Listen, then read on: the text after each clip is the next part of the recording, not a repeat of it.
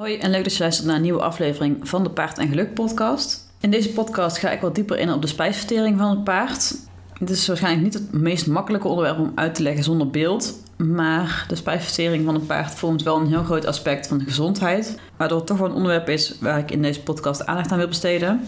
Voor beeldmateriaal zou je eventueel de termen die ik gebruik kunnen googlen. Dan kun je zelf de afbeeldingen erbij vinden. Maar zeker als het om voeding gaat, dan vormt spijsvertering een hele belangrijke reden waarom bepaald voer wel en ander voer niet goed is.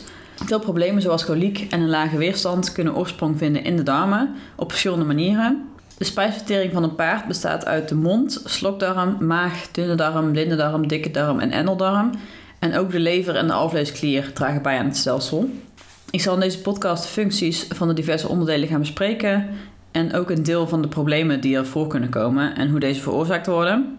Je zult merken dat de dingen soms wat door elkaar heen lopen, want uiteindelijk hangt natuurlijk alles met elkaar samen. Dus je kunt de losse onderdelen van de spijsvertering niet echt los van elkaar zien, want alles werkt met elkaar samen. Ik heb geprobeerd om het zoveel mogelijk af te bakenen per onderdeel, om het duidelijk te houden, maar ja, er zullen soms, zal soms wel wat overlap zijn.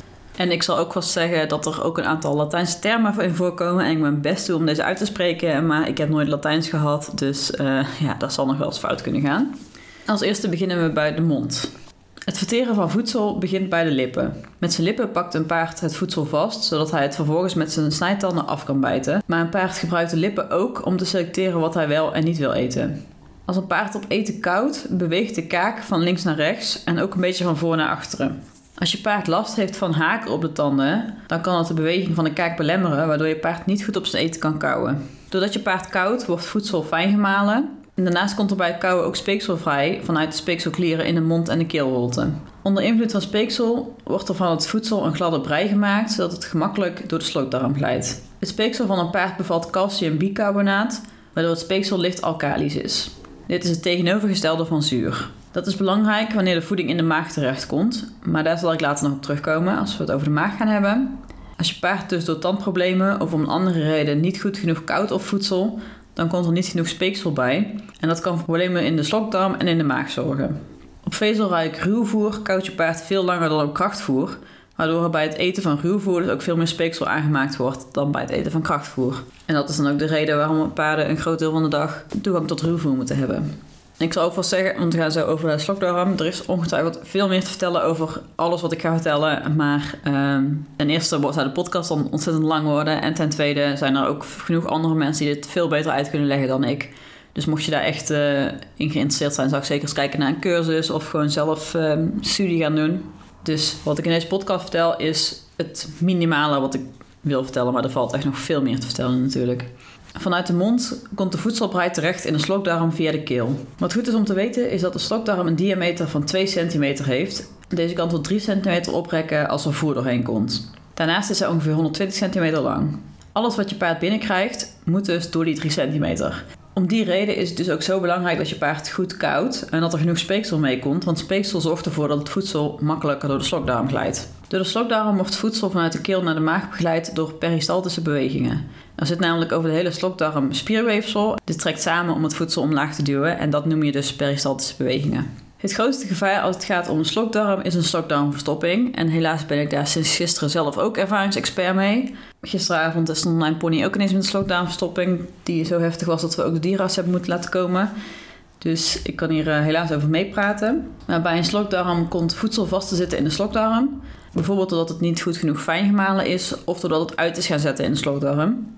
Als het paard dan tegelijk nog wel speeksel aanmaakt, dan kan het speeksel niet meer voorbij die voedselprop komen en stroomt de slokdarm als het daarover met speeksel. En, en het speeksel loopt dan terug de mond in en zal via de neus en mond weer naar buiten komen. In een normale situatie zou de voedselbrei onderaan de slokdarm terechtkomen in de maag. Maar bij een slokdarmverstopping gaat dat dus fout. En ik ken deze podcast dus niet alle gevolgen en hoe je dit allemaal op kan lossen, ga ik niet allemaal in deze podcast benoemen, want dan... Uh, ben ik heel lang bezig. Dus het gaat nu echt alleen maar even om het benoemen van de problemen die voor kunnen komen. Dan zijn we eigenlijk komen bij de maag. Ik denk dat de maag wel het orgaan is waar de gemiddelde paardeneigenaar meer van weet dan van andere organen, omdat vooral ook maagsferen heel veel voorkomen onder paarden. Ik geloof dat tussen de 40 en 90 procent van de paarden maagsferen heeft. Nou is dat natuurlijk sowieso een heel brede, hele brede range, want of 40 procent of 90 procent van de paarden het heeft, dat uh, maakt nogal verschil.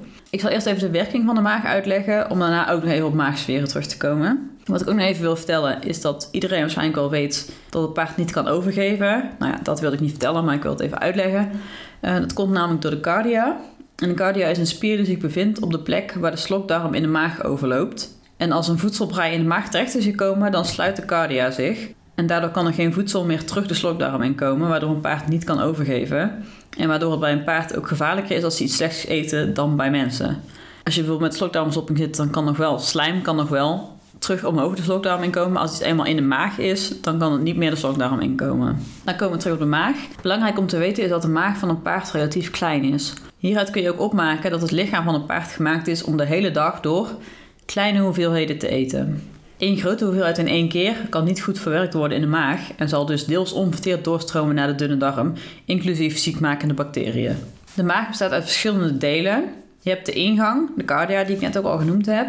Dan heb je de bovenkant van de maag, de fundus. Het grootste deelgedeelte van de maag, de corpus. En het bodemgedeelte, het antrum. Onderin de maag zit het maagportier, de pylorus. En die leidt naar de dunne darm. Een hoop moeilijke woorden, maar ik ga natuurlijk even uitleggen wat alles doet. Belangrijk om te weten is dat het bovenste deel van de maag klierloos is en op het onderste deel van de maag zitten wel klieren. Dit klierloze deel, de fundus, is niet bestand tegen maagzuur. Hier treden dan ook vaak maagsferen op. Het deel met klierweefsel, de corpus en het antrum, is wel bestand tegen maagzuur. Hier worden maagschappen uitgescheiden. Op de scheiding tussen deze twee delen komen ook vaak maagsferen voor. In de maag worden water, slijm, zoutzuur, hormonen en enzymen uitgescheiden. Waar een mens alleen maagzuur produceert tijdens het eten, produceert een paard continu maagzuur. Daarom moet een paard continu een tegenhanger voor dit zuur binnenkrijgen om maagsferen te voorkomen. Hier komt het eerder genoemde speeksel met calciumbicarbonaat als ingrediënt om de hoek kijken.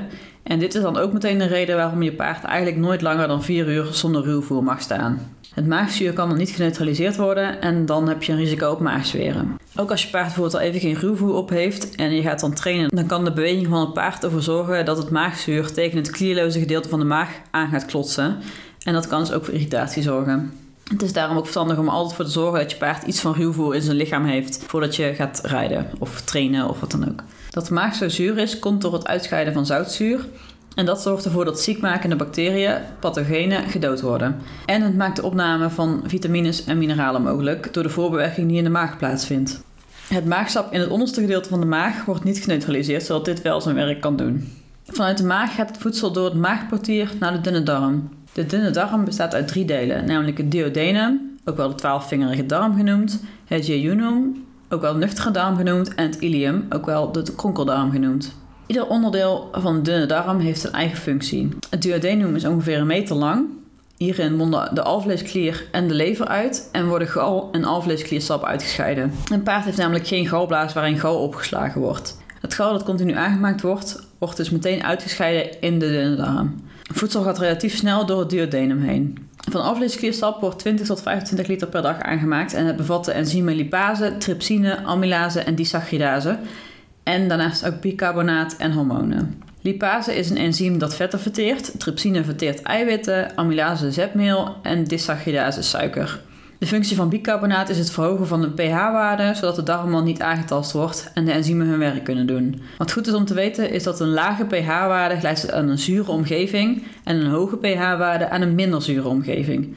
Dus een pH-waarde van 2 is zuurder dan een van 7. Gal zorgt voor de vertering en het transporteren van vetten. Zonder gal kan het enzym lipase zijn werk niet doen. Alvleeskliersap en gal worden continu afgegeven, maar wel in kleine hoeveelheden. Daarom is de spijsvertering van paarden niet gemaakt om grote hoeveelheden in één keer te verteren. Het voer blijft dan bijvoorbeeld te zuur door te weinig bicarbonaat, waardoor de verzuring optreedt in het lichaam. In de dunne darm is sprake van enzymatische vertering. Enzymen zijn eiwitten die een actie kunnen uitvoeren. Ze kunnen moleculen als eiwitten, vetten en suiker veranderen onder invloed van vitamines en mineralen. Het tweede deel van de dunne darm is het jejunum. Dit bestaat uit allerlei kronkels en is zo'n 20 meter lang. Voedsel gaat hier veel langzamer doorheen, zodat alle processen goed uitgevoerd kunnen worden. Voedingsstoffen worden hier uitgewisseld en geabsorbeerd. Tot slot is het ilium 30 tot 70 centimeter lang en hier wordt het verteringsproces voortgezet en het voedsel naar de blinde darm getransporteerd. Tot slot de dikke darm, die bestaat uit het cecum, oftewel de blinde darm, het colon en de endeldarm. In de blinde darm vindt fermentatie plaats. Hier worden de vezels uit voeding verteerd. Fermentatie is een proces dat plaatsvindt onder invloed van micro-organismen. Deze eten een product op en scheiden iets anders uit. Voedingsstoffen worden hierbij omgezet naar stoffen die een paard nodig heeft door bacteriën. In het cecum worden stoffen door de darmwand in het bloed afgegeven. Je kent misschien het woord darmflora wel en daarmee hebben we het specifiek over uh, de bacteriën in de dikke darm. De darmflora kun je zien als verschillende volkeren bacteriën. Ieder volk is gemaakt om andere voedingsstoffen te verteren en deze volkeren zijn aangepast op de voeding die je paard krijgt. Dus een paard dat alleen maar ruwvoer krijgt, zal andere bacteriën in zijn darmen hebben dan een paard dat ook krachtvoer krijgt. Om deze reden is het ook belangrijk om je paard geleidelijk van voer te laten veranderen, want de darmflora heeft 14 dagen nodig om zich aan te passen. Dus bacteriën die geen voeding meer krijgen uit het nieuwe rantsoen gaan dood en bacteriën die er wel voeding uithalen zullen vermeerderen. De bacteriën in het lichaam van een paard zijn van oorsprong gemaakt om vezelrijk voedsel te verteren. Als je paard veel suiker en zetmeel binnenkrijgt, gaan deze goede vezeletende bacteriën dood en krijgen de slechte zetmeeletende bacteriën de kans om te vermeerderen. Zodat de goede bacteriën sterven, komen er toxines vrij die koliek en hoefbevangenheid kunnen veroorzaken. De slechte, nu inmiddels vermeerderde bacteriën produceren bijvoorbeeld melkzuur, wat verzuring van de darmen veroorzaakt, de darmwand kan beschadigen en koliek kan veroorzaken. Uit de fermentatie komen aminozuren, vitamines en vluchtige vetzuren vrij. Vluchtige vetzuren leveren bij verbranding warmte op en daardoor helpt ruwvoer, waar veel vezels in zitten, je paard om warm te blijven. De darmflora is het begin van het immuunsysteem en de gezondheid van je paard. Dus als hier problemen zijn, dan gaat het gegarandeerd invloed hebben op de gezondheid. Het colon is het langste deel van de dikke darm, namelijk zo'n 3,5 meter. Er zitten veel bochten en draaiingen in, waardoor het voedsel hier maar langzaam passeert.